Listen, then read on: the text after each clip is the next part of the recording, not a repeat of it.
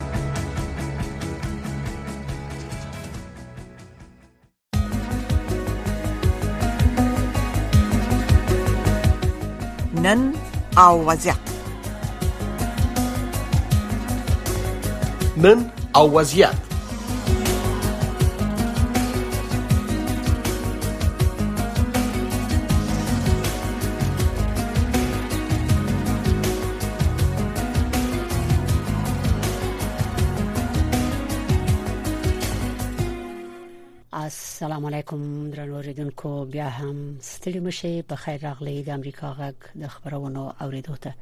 اوس د نن او وضعیت پروګرام لرو زه زیبا خادم یم او دا د امریکا غږ آشنا رادیو د خبرونه د واشنگټن د مرکزی استودیو نه اوري درنو ریدونکو د نن او وضعیت په پروګرام کې معمولاً کارپوهان یا تحلیلګران راځي د یوې خاصې مسلې په ارتباط خپل نظریات وایي او تحلیلونه کوي نن خو واضح خبره ده تاسو ته معلومه ده مخکې هم دا خبره وشوه چې د افغانستان د استقلال یو سلو سلورمه کلیزه ده د اگست 19 او افغان ولس یعنی یو سلو سلور کال مخکې د برتانوي استعمار نه خپل استقلال ګټلی دی سوال دا دی چې د ملک او ولس د ازادۍ خود ارادیت او ورزي تمامیت د ساتلو لپاره څه پکار دي افغان ولس هم د نړۍ د نورو ملکونو غوندې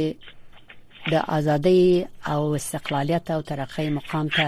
ولې په دې دومره کلونو کې نه دی رسیدلی ځینې ملکونه خو هغه د دنیا په تاریخ کې معلوم دي چې په ډیر کم وخت کې ډیره ترقی کړې ده اقتصادي قدرتونه شول فرهنګي او علمی مدارج ته ورسېدل مګر افغان ولس لا هم چې موږ ګورو او اورو او راپورټونه راځي د بیګاو سبا ډوډۍ نه لري امن خو به وي ازادي به وي خو ډوډۍ بني او اقتصاد به دړې وړي خو کارپوهان وایي چې نن سبا اقتصادي استقلالیت کني وي هیڅ شي نشي کېدای یو ملت چې په اقتصادي اساس باندې بسیان وي د پرمختګ او ترقۍ کاروان به یا ډیر ورو وي او یا به یې هغه خپل سرمنزل مقصود ته ونه رسیږي نو نن موږ غواړو چې د افغانستان په اقتصادي استقلالیت باندې وغږیږو ځکه په دې یو سلو سلورو کلونو کې به باید افغانستان په اقتصادي لحاظ په ځان بسیا او متکی وي ولې نه وو او ولې نه دی دا سوالونه دي نو موږ په دې مسلې باندې د بحث لپاره یا د نظر د اخیستو لپاره د اقتصاد او تجارت کارپو سیام پسرلی صاحب را بلل دي پسرلی صاحب محترم خبرونه ته په خیر راغلی ستړي مشي ډیر مننه کور مو ودان زه هم تاسو ته او ټولو اوریدونکو ته سلامونه وړاندې کوم او د افغانستان د استقلال ازادۍ د بیرته اخیستو یو سلو څلورمه کلیزه د ټولو ته مبارک وي مننه تاسو نه تشکر تاسو ته د هم مبارک وي او افغان ولست او افغانان چې هر چیرې دي ټول ته د دغه ورځ مبارک وي دا د استقلال ورځ ده د ټولو افغانانو د ویاړ او افتخار ورځ ده او ټول ملکونه د خپل استقلال په اخستو ویاړي او دغه تاریخ دغه تاریخي ورځ مانځي طالبانو د استقلال ورځ نن کابل کې منځلې ده غونډه جوړه کړې ده په دې غونډه کې د طالبانو چارواکو خبرې کړې دي او هرچا په مختلفو مسایلو نظر اچولې ده خو موږ سره سوال دا دی چې دوی خو د غورز نن په دې مناسبت باندې د استقلال د ازادي په ویاړ باندې رخصتي اعلان کړ په افغانستان کې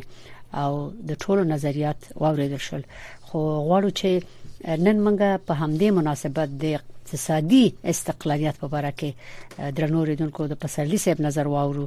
البته خبرونه به یو 15 دقیقې ادامه ولري نو په سلسله محترم د خو واضح خبره ده تاریخ مولسته ده درته معلوم دی ټول ته معلوم دی چې افغانان د خاور په برخه کې د استقلال په برخه کې د ملک په استقلال او ازادي او ارزي تمامیت باندې د يرغل یا اشغال په صورت کې ټول سره متحد وو دای ثابت کړی د دنیا ته او خپل استقلال په اتحاد او اتفاق غټلې دي مګر روس استقلال د ګټلو نه چې څه شي وي دي هغه ته ډیر نه ورزو ډیر په جزئیاتو خو بیرته برې شو دې مسلې ته چې په دې دومره کلونو کې او سلو سلورو کلونو کې مختلفو حکومتونو واکدارانو په وخت کې تر دې د مد طالبانو په وخت کې دغه اقتصادي استقلالیت افغانانو نه درلودو او اقتصاد چنی وي لکه چې وایي د ملکونو د ترقۍ هغه بنیاد اقتصاد دی خصوصا په دې 21مه پیړۍ کې د ټکنالوژي په عصر کې د انټرنیټ چې دغه یو انقلاب بلل کیږي په دنیا کې په صنعت کې نو دغه یو وخت کې څنګه کې دي شي چې افغانان وکړي شي دا واکداران یا آینده واکداران چې راځي په افغانستان د نورو ملکونو سره سیال شي د نړۍ د نورو ملکونو سره خصوصا په اقتصادي لحاظ خو اوس زه تاسو نه غواړم چې اول خدا وایي چې دغه ولې دوی اقتصادي استقلالیت نه درلود ساسه په نظر په دې نور وختو ډیره مننه په سر کې تاسو ډیر ښه تفسیر وکړه کور مو ودان خواهش کوم د اقتصادي استقلالیت د لپاره فکر پکار دی ښه او زموږ فکر ډیر په جنگ مصروف وو مونږ چې کله ازادي اخیسته نن زه غواړم چې خپل د زړه ټول خبرې وطنوالو سره به پر شریکم او حق لري ځینې زموږ اوسنۍ وراتونکو نسلونه چې په حقایقو باندې پوسي د افغانستان تاریخ چې څومره ما مطالعه کړی بدبختانه افغانستان موږ په خپله جوړ کړی او بیرته موږ په خپله وران کړی. ښه. یو ډله پاسیدلی ویلی چې زه مکتب جوړوم، پلونه جوړوم، فابریکې جوړوم، د نساجۍ فابریکه یې جوړ کړه، د سمټو د تولید فابریکه یې جوړ کړه، دا کار یې وکړه، هغه کار یې وکړه. بل ډله بیا پاسیده ورته بمونه کېښوده، له منځه یې یوړه. موږ همیشه دغه سره روانو امان الله خان پاس د یو سپیشل ارمان لپاره افغانستان د پاره رضا ازادي راوړه جنگ یو کړ شپه ورځې په ځان یو کړ ځان ته دښمنانو وکړه ولی بیرته موږ خپل دغه ولس موږ بیرته امان الله خان د وطن نو شړه افغانستان بدبختانه همدغه سي پړاو کې موږ خپل ساتلای او امان الله خان چې ارمان یې دا و چې باید د مکتبونو دروازې د نارینه او ښځینه پر وړاندې پرانستل شي خلک باید قلم واخلي ټوپک وانخلي ولې مون قلم وانخسته به ته مو ټوپک واخیسته نو دا دا مرحله چې موږ ګورو دا وضعیت چې موږ سیرو موږ یو نتیجه ته رسیدو چې باید موږ خپل ځان ارزونه وکړو ولې یو یو ډول پاسيږي یو کار کوي بل ډله پاسېږي دې په ځای چې هغه نور هم جوړ کړي نور هم روغ کړي لمنځه وړي ما ته ځینې خلکو ویلي وي چې په افغانستان کې د اساسو جنگ چې دی تاسو د کوم بل مذهب سره جنگيږئ الته سویان ډیر دي هندوان ډیر دي کوم بل مذهب د چې تاسو یو بل سره لګیاست یو جنگيږي د سلوخ 50 کال کېږي چې او دا جنگ نه ختميږي دا کوم مذهب دی ښه ښه دا کوم مذهب تاسو لکه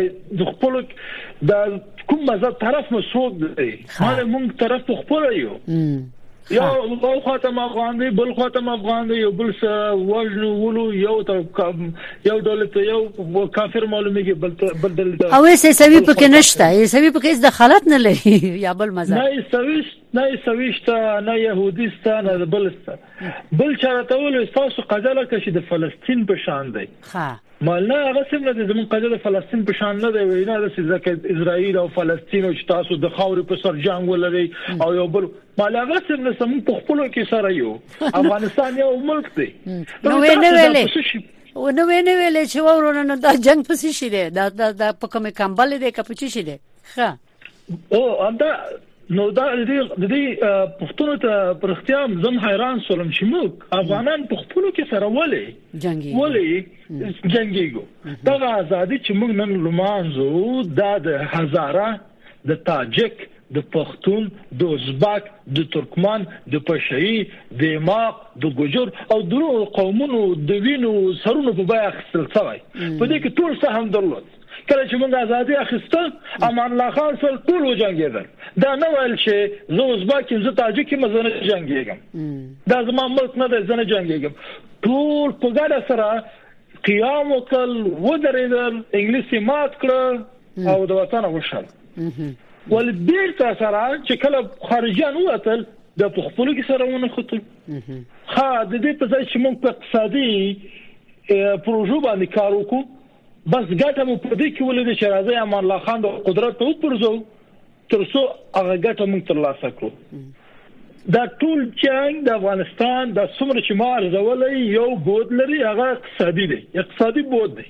یو دقیقه د مخکې د دې چې تاسو سیام په سره سره د اقتصادي بود وشي نو د افغانان خو هم دومره تاسو خوار مګنې په فکری لحاظ باندې چې دوی د بے سببه بے لکم خبرې یو د بل سره وجنګیږي یو علت خو بلري کنه یو یو څه خو به وی کنه په دې منځ کې دا د پیدا کړی یا نه همدغه علت چې دا فقر دی دا بیچارهګي ده دا اقتصادي کمزورتیا ده خلک ولې جنگيږي خلک ولې واسطه اخلي ځکه چې پیسو ته ضرورت لري ځکه چې ماشومان ډوډۍ ته ضرورت لري ځکه چې میرمن خوراک ته ضرورت لري دوی دې لپاره ځي واسطه اخلي چې معاش واخلي خپل کورنۍ ته پیسې وګټي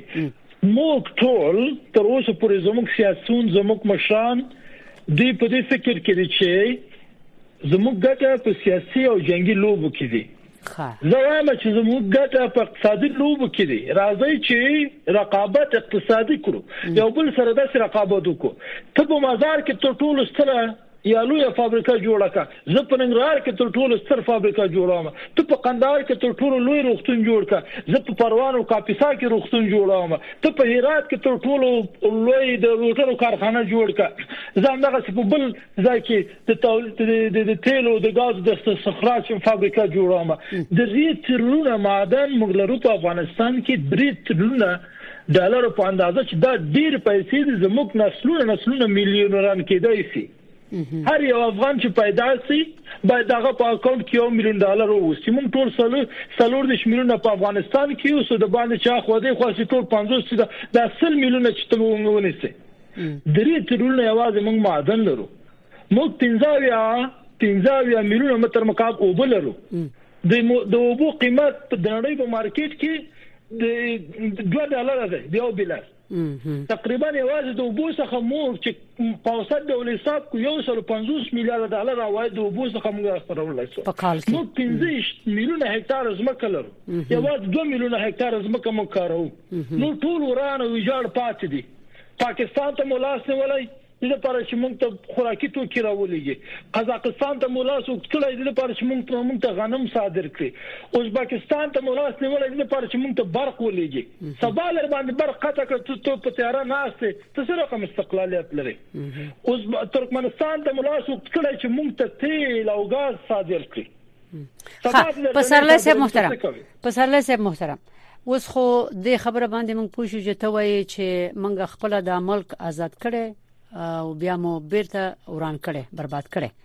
او تا ویلې چې دا د ملامتین واچول په دې خپل رهبرانو او په دې خپل خلکو باندې دا سي اوس راشه دیته چې د دې تاریخ نه خو خلک همیشه ولسونه ته عبرت اخلي سي او تنه زده کوي نو ته څه فکر کوي چې اوس خو د مکتب شاګردان په دې پوهیږي چې بعد دینه به په دې دنیا کې ژوند او ملکونو او د خلکو هویت بقا به په اقتصادي اساس وي اقتصاد بعد دینه که هر څه کیږي هغه به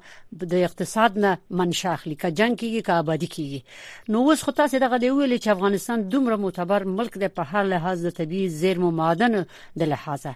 نو دا به اوس څنګه کیږي چې د دې منابعو نه استفاده وشي په کوم صورت کې کېدې شي چې افغانستان په اقتصادي لحاظ باندې په خو ودرېږي متکی شي د دې ته څه ډول ش... د لپاره څه ډول شرایط په کار دي څه ډول زمينه سازي ورته په کار ده کېدای شي چې افغانستان په دې دومره وخت کې په اقتصادي لحاظ باندې و نه شو کړای چې په ځان بسیا شي کباد لدی وشي د دې لپاره څه پکار دي ساسي په فکر تا ویلې په افغانستان کې تا ویلې په افغانستان کې اقتصادي استقلالیت د لپاره فکر پکار دی دا په فکر پورې تړلې ده نو دا فکر څنګه موږ عیار کو یا افغانان د خپل فکر څنګه عیار کی که داخل کې دی او که خارج کې که واکداران دي او که عادي خلک دي او که ماموران دي که کارپوهان دي دا فکر څنګه عیار کی چې اقتصادي استقلالیت پیدا کی افغانستان بلا شک دا ډیره مهمه پوښتنه ده لکه څنګه چې مخکې مې وویل پایله داسې کوم نور تشریح کوم هغه دا ده چې جنگي فکر سیاسي فکر مذهبي فکر په اقتصادي فکر باندې باید واړول شي هر کور یو کورنۍ یو تجارت یو پنګوا یو سوداګري باید پیل شي اوس په افغانستان کې یو نفر ګټي لس کسه خوري لس کسه باید وګټو دغه فکر ته باید کار وویل شي دا فکر څنګه څنګه ورته مونږ کار ویل شو د ټکنالوژي په مټ مونږ عامه په هواي کوي شو بل دا چې عام ولس په خپل پورته سي نور باید دې ته پتا مني چې دولت دولت کې هر څوک دی که زمونږ واک او توان ورته رسیږي کنه رسیږي اوس دولت هغه سده مونږ دغه څه شی لرو بدبختانه مونږ باندې راغلی هغه ته باید ونه ګورو مونږ باید په خپل ماشومان لونو بچانو باندې زده کړو کړو دي ته باید ټکنالوژي وخیو دي ته باید انټرنیټ ورسو دي لږ وسارو چې د ټکنالوژي نه مثبت استفاده وکړي یوتوب ته دی داخل سې یو نړۍ معلومات په یوتوب کې پروت دی او یوتوب په خپل یو پوهنتون دی دوی کولای شي دا غنه زده کړو کې زما او تاسو په شان د نورو خلکو مسولیت جوړیږي چې موږ د کمپاین د کار وایو چې راځي اقتصادي فکر پیل کو موږ په افغانستان کې وبل لرو زمکه لرو هوا لرو زیرمې لرو بشري نیرو لرو ذخایر لرو زراعتي زمکه لرو دینه باید استفاده وکړو دا هر څه لرو ستراتیژیک موقعیت لرو جغرافیا لرو دینه باید مونږ ګټه واخلو ناګامورا چې ته جاپان نه راځي دلته دا ته پارکونه جوړوي سي چې هغه یو پردی سړی و دلته تر څو چې د افغانستان نه شناخت پیدا کوي او دلته خپل ژوند جوړوي ته د دې د فرهنګ سره ځان عیاروي تا ته خو به خي اسانه وي چې تلار سي د محتلام داګونه او جوړ کې اندغه سي د افغانستان د کابل او د قندهار په لوی لار کې کوم دخت پراتی دي دا باید ورغوي جوړ کې بندونه جوړ کې امکاناتونه باید استفاده وکړي یو هغه کارونه دي چې دولتونو پورې اړه لري یو هغه کارونه دي چې د ولسونو پورې اړه لري زما خطاب ولسونو ته دی دوی کولای شي چې واړه واړه کارونه د خپل د کور نه پیل کړي په خو به داسې ضرورت چې تاسو په یوه برخه کې ماستري او دکتورا حتما درلود تر څو تاسو یو کار پیلو اوس هغه مرحله هم تغیر شوی ځکه ټکنالوژي هر څه تغیر کړی تاسو په یوه برخه کې باید مسلکي پوهه ولرئ یو برخه انتخاب کړئ په هغه برخه کې خپل طاقت وکړئ زده کړه وکړئ په مغه برخه کې سرټیفیکیشن واخلئ او خپل چارې پر مخ ویسي یو خپل کاروبار پیل کړي بل دا ده چې د نړۍ مهم مارکیټونو ته هم دغه افغانستان نه ننوځي اوس په هندیان دي پاکستانیان دي فلیپینیان دي په خپل کورو کې ناز دي او د امریکا او اروپا او عربي هیوادونو مارکیټونو ته داخليږي انلاین د فایبر اپ ورک او دغه نور شبکو د لارې د فریلانس ډاټ کام د لارې دوی پروژې اخلي خپل کور نه د کار تر سره کوي او پروژه بیرته سپاري او پیسې ګټي ټکنالوژي وای موږ وایو چې د نړۍ نه یو کله جوړ کړي خو دغه هدف ده چې کته په هر ځای کې وي مهمه نه ده ولې مهمه ده چې ته انټرنیټ ته لاسرسي لري او کسب او کمال لري نو دغه کسب او کمال نه د انټرنټ په واسطه استفاده وکړه خلکو ته خیر ورسوه ترې ګټه واخله یو هندي او پاکستاني چې کوي سي هندستان هر کال هر کال هنديان 9 میلیارډ ډالر خپل هیواد ته صادروي د دې بابت چې نور هیوادونو کې کار کوي فعالیت کوي موږ هم کولای شو نو یو د کاروبار موضوع ده چې موږ باید واړه واړه کارونه پیل کړو دوم دا چې موږ باید په انګلیسي ژبه او په کمپیوټر او ټکنالوژي ځان پوه کو او د نړۍ مهم مارکیټونه ټارګټ کو دغه استفاده وکړو په خپل به دا خوځښت پیل کړو او مخته ولاړ شو ښه وس تاسو د خبرو وکړل چې دا خونو بیرته دغه د د دې نسل غاړې تلويږي د دې نوي نسل غاړې تلويږي چې دوی باید دا کار وکړي درست او د آینده نسلونو کار او وظیفه چې ده د غوی د پر دغه نسل یو څوک کې غوی ته پریدي چې غوی په مغه لار روان شي د دې د پر رهبری په کار ده د دې د پر پالیسی په کار ده د دې د پر سیاسي پالیسی په کار ده هغه د حکومت په سطح او د دولت هغه هغه خو تاسو ویل اوس به پریدو موږ خپل کار کوو او تاسو د یو افغان په صفت تر کومه حد چې زه معلومات لرم تازه په دې وختو کې راغلی همدغه وخت چې د طالبانو واکمني په افغانستان کې پیل شو ډېر افغانانو وتل ناتو د قواو او امریکا د قواو د وتلو نه روسته تاسو امریکای ته راغلي چون په افغانستان کې مو یو کار او یو مسلک درلود دلته مو که زما معلومات صحیح وي تر اوسه پورې درې څلور کتاب ولیکل او دفترونه مو خلاص کړي دي افغانانو سره کومک کوي لارې ورته خي چې دوی وکړي شي او یو عاید پیدا کی یو خپل ځان او خپل کورنۍ بس یکی به بعد غنه به ملک او خلکو ته اتمن د خیره ګټه ورسیږي دغه ځوانان چې دلته راغلي دي دوی څه کول شي دوی نه څه غوړي ته دوی په کومه لار روان شي او د خپل ملک د لپاره د ځان د لپاره او دغه ملک د لپاره چې دلته پکې اوسېږي دا هم وایم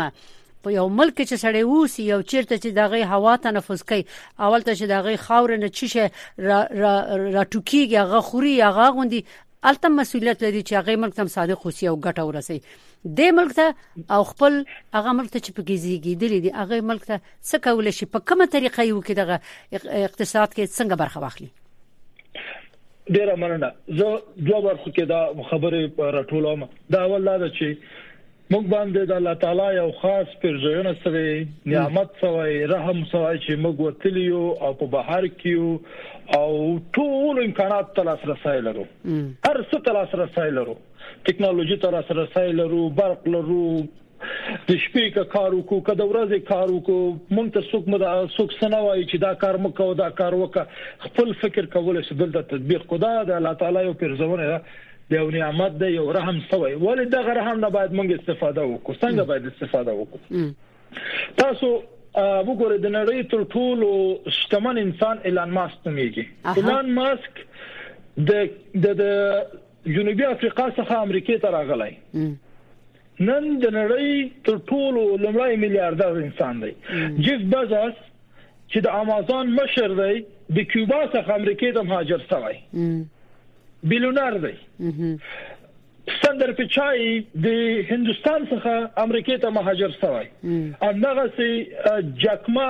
د چین څخه امریکا ته راغله و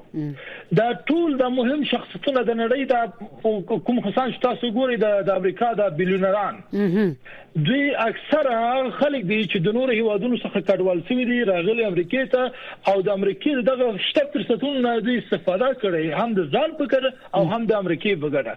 د ځان په کړتي ملیونران دي بیرته خپل ملک او خلکو سره همکاري کوي خو زما مسج او پیغام دا دی چې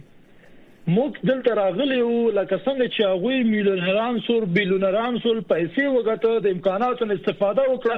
موږ باید دا غوي لار تعقیب کوم کولای سو دغه فرصت لرو چې په خو برخو کې کار وکړو او ځان ورسو زما اکثر افغانان په اوبر او امازون او په دغه برخو کې مصروف دي او خپل ځان ته ونده پیسې پیدا کوي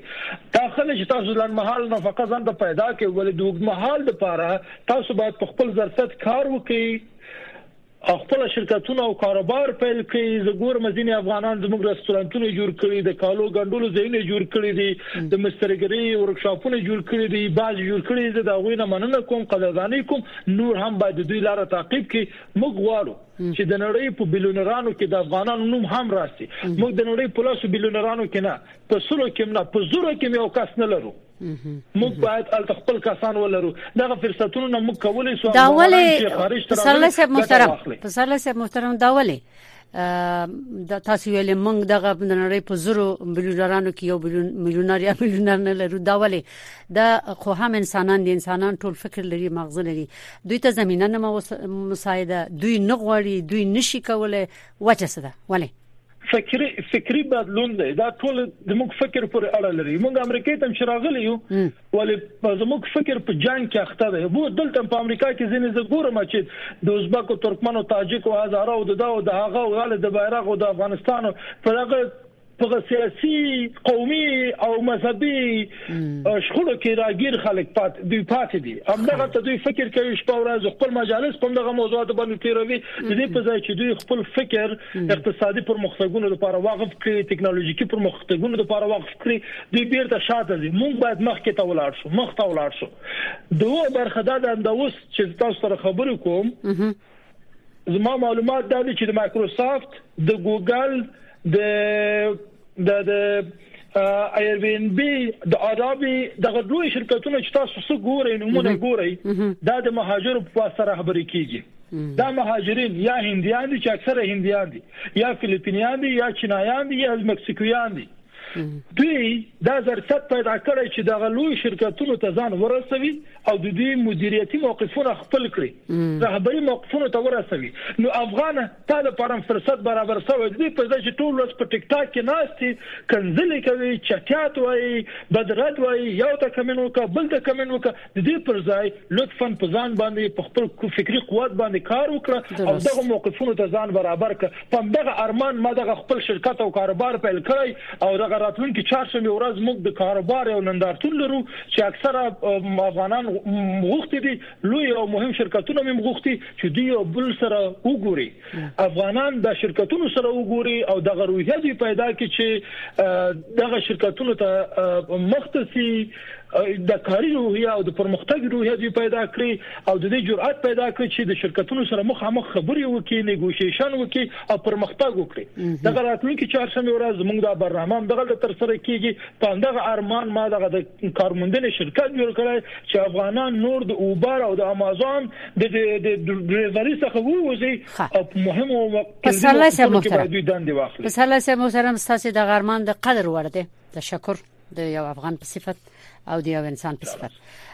رب شو دې ته چې د څوک چې اول یو ملک ته وشي یا د خپل کور نه بیزې شي بل کړي ته وشي ملګ وخت نیسی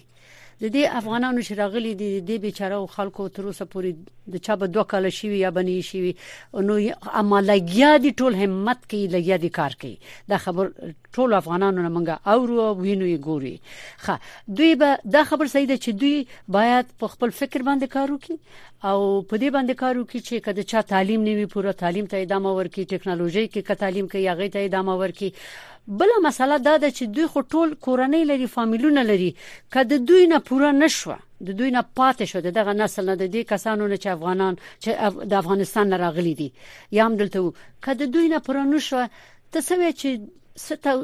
تجربه یا توصیه لري چې دوی په دې خپل اولادونو باندې څنګه کار وکړي د اولادو په فکرو باندې اولاد څنګه وروزي چې هغه وکړي شي دغه فکر په ځان کې پیدا کی یا دغه روحیه ولري چې د اقتصادي استقلالیت په اساس باندې ځان ته او افغانستان ته یا نور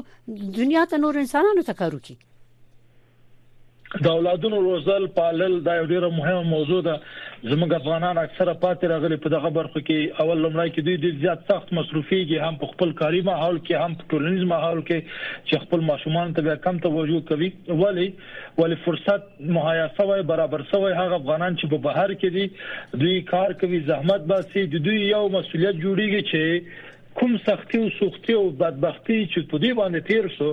دوی باید دغه تجربه په خپل ماشومان باندې تکرار نه کړي دوی یو فرصت لري چې خپل ماشومان داسې وروزي چې د د ځنړۍ راتلونکي میلیونران بزنسمنان کاروباري خلک مفکرین عالمان اندغه ماشومان باید وسی ځکه موږ د پرمختګ تنده لرو موږ فقر او بیچارهګي لیدلای موږ د ورسته پاتې کېدا درد لیدلای موږ د مهاجرت درد کتلای موږ د بیوطنۍ او جلاوطنۍ درد کتلای دغه درد نه باید موږ مثبت استفاده وکړو دغه درد باید زموږ په قوت باندې بدل سي دغه جوش او خروش باید زموږ د پرمختګ لپاره وکارول سي موږ ټول باید هڅه وکړو ترڅو زموږ ماشومان راتلونکي نسل او اوسنۍ نسل ښه آینده ولري ښه کاروباري فکر ولري په خپل خپل ودرېږي